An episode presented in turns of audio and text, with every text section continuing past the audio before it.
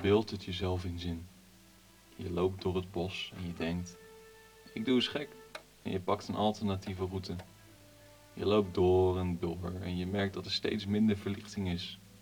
Het is overdag, dus het maakt je geen zak uit.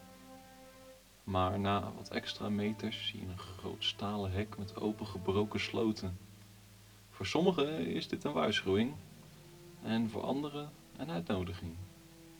Wat zou het voor jou zijn? Ik kan jou niet vertellen wat jij zou kiezen, maar wel wat anderen hebben gekozen. Vele mensen lopen namelijk gewoon door. Met een lach en een kloppend hart van de spanning. De gedachte, alles komt goed, heerst en het maakt zich in één het donder uit hoeveel waarschuwingen er ook zullen zijn. Je kan een dode hond naast het pad leggen en ze zullen nog denken dat er niks aan de hand is. Ze lopen door en door en iedereen die dat doet zal zien dat er een bijzonder huis staat. En dat ben ik. Diep verborgen in de bossen, afgesloten van de buitenwereld. Als de grote boze wolf niet te druk bezig was met Roodkapje, had hij mij zonder moeite met een simpele zucht omver kunnen blazen, want ik sta al jaren op instorten. Sterker nog, ik sta nu al jaren liggen te vergaan. De natuur daarentegen vergaat niet. Nee, ze overwoekeren mij. De wortels van de bomen kloppen tegen mijn deuren en ze besluiten zelf al hoe ze naar binnen komen. Terwijl je steeds minder van mij kan zien, komen er steeds meer mensen op me af. Het is voor hen altijd een shock als ze zien wat ze aantreffen. Het maakt ze zo bang dat ze het niet eens durven te delen aan hun vrienden of de autoriteiten. Dit heeft te maken met mijn verleden. Je hebt kastelen met een verleden van mooie prinsessen in de hoge torens wachten op een prins op het verdomde witte paard. Je hebt dorpen die positiever werden ondanks elke tegenslag die ze kregen en het voor elkaar kregen om iedereen te voorzien van een sprookjesleven. Je hebt families die voor de lol maar besloten om een bedrijf te starten en zo generaties lang het beste leven kunnen leiden in een paleizen. Maar je hebt ook de afgelegen villa's zoals ik. Maar er is niemand en er is niks met een verhaal zoals ik. Ik ben lang, lang geleden rond 1800 gebouwd. In opdracht van een bijzondere jongeman. Een jongeman die rijk geworden was door een erfenis. Hij naaide zichzelf in het testament van een welvarende oude vrouw. Ze was opeens onverwachts gestorven. Op een natuurlijke manier. Tenminste, dat is wat er in de kranten stond. Alleen deze jongeman, genaamd Rob Mantel, wist hier het ware verhaal van. Nou ja, en ik. Rob Mantel stond in het dorp om hem heen bekend als een figuur die veel tegen zichzelf praatte. Eigenlijk was dit het enige wat van hem bekend was. Maar dat in zichzelf praten deed hij dus ook in zijn eigen villa. En ja, de muren hebben nou eenmaal oren en ik heb dus een hoop gehoord. Een gemiddelde dag in mij bestond uit het licht door de bossen zien komen, terwijl Mantel het vuilnis van de dag ervoor buiten zette. Rob erna even horen spelen op zijn piano en hem af en toe een agressieve opmerking horen maken over zichzelf, wanneer hij weer de verkeerde toets raakte. De middag begon met een uitgebreide lunch, gemaakt door Mantels personeel. En terwijl hij de krant las, beledigde hij iedereen die te maken had met zijn teleurstellende lunch. Daarna ging Rob de dorpen langs. En vanaf daar kwam de variatie in zijn dagen. De ene dag kwam hij al snel terug met een grijns en was hij voor de rest van de dag een tevreden man. En opeens weer vriendelijk voor al zijn personeel. De andere dag kwam hij helemaal niet terug tot diep midden in de nacht. En op zijn vrolijkste dagen kwam hij telkens terug met een nieuwe dame. De avond ging dan altijd hetzelfde. Hij pakte zijn beste drank kleedde zich om in zijn meest stijlvolle avondkleding. En had hij iemand van zijn personeel maar bij de piano gezet om iets rustigs, romantisch te spelen. Nou weet ik niet hoe Rob Mantel zijn succesratio was buiten huis om. Maar wanneer ik mee kon kijken bij zijn schouwspel om een dame te imponeren, lukte het hem altijd. Iedere dame bleef de nacht spenderen met Mantel. En dat waren altijd erg rusteloze nachten. Mantel sliep sowieso niet veel op dit soort dagen. Hij leefde volgens stappenplannen. En alles wat hij deed was dus gepland, tot in de details na. Dat kost tijd.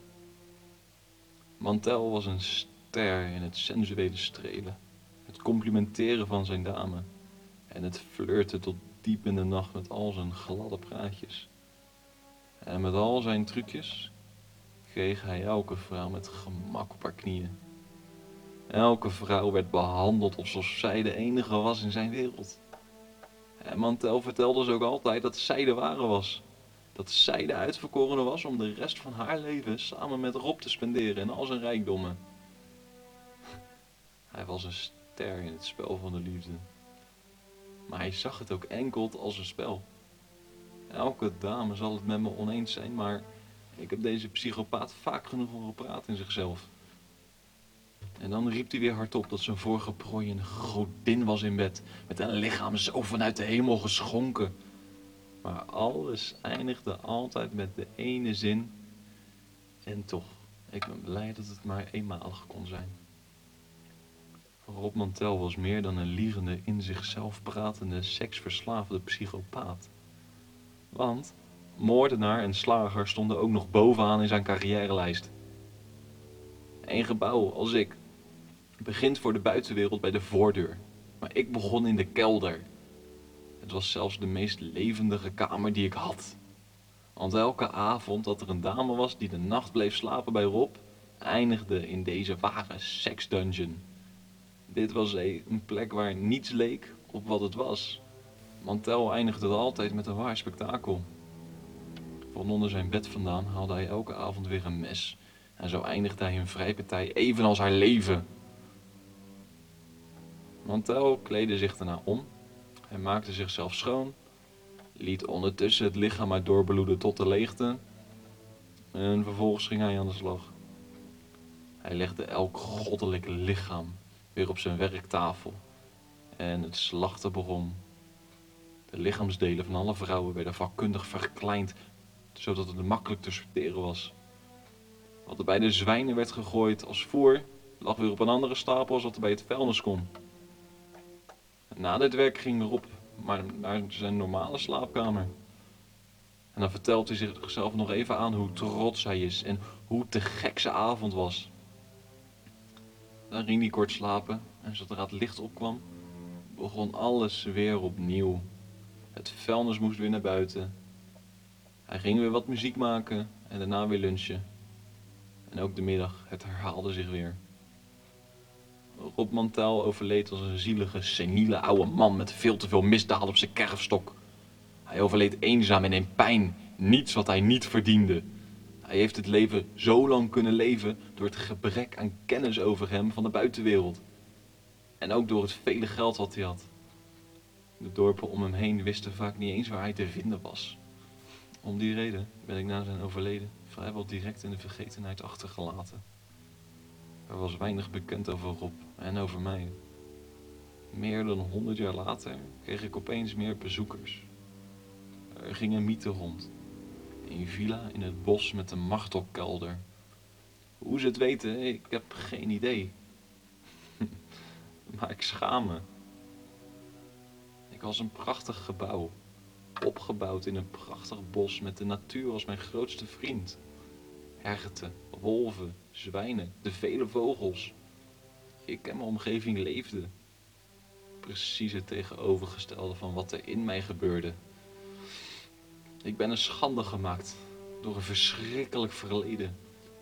Ik wilde ook gewoon een villa worden met een mooie geschiedenis en, en, en een verleden gevuld met prinsessen en liefde.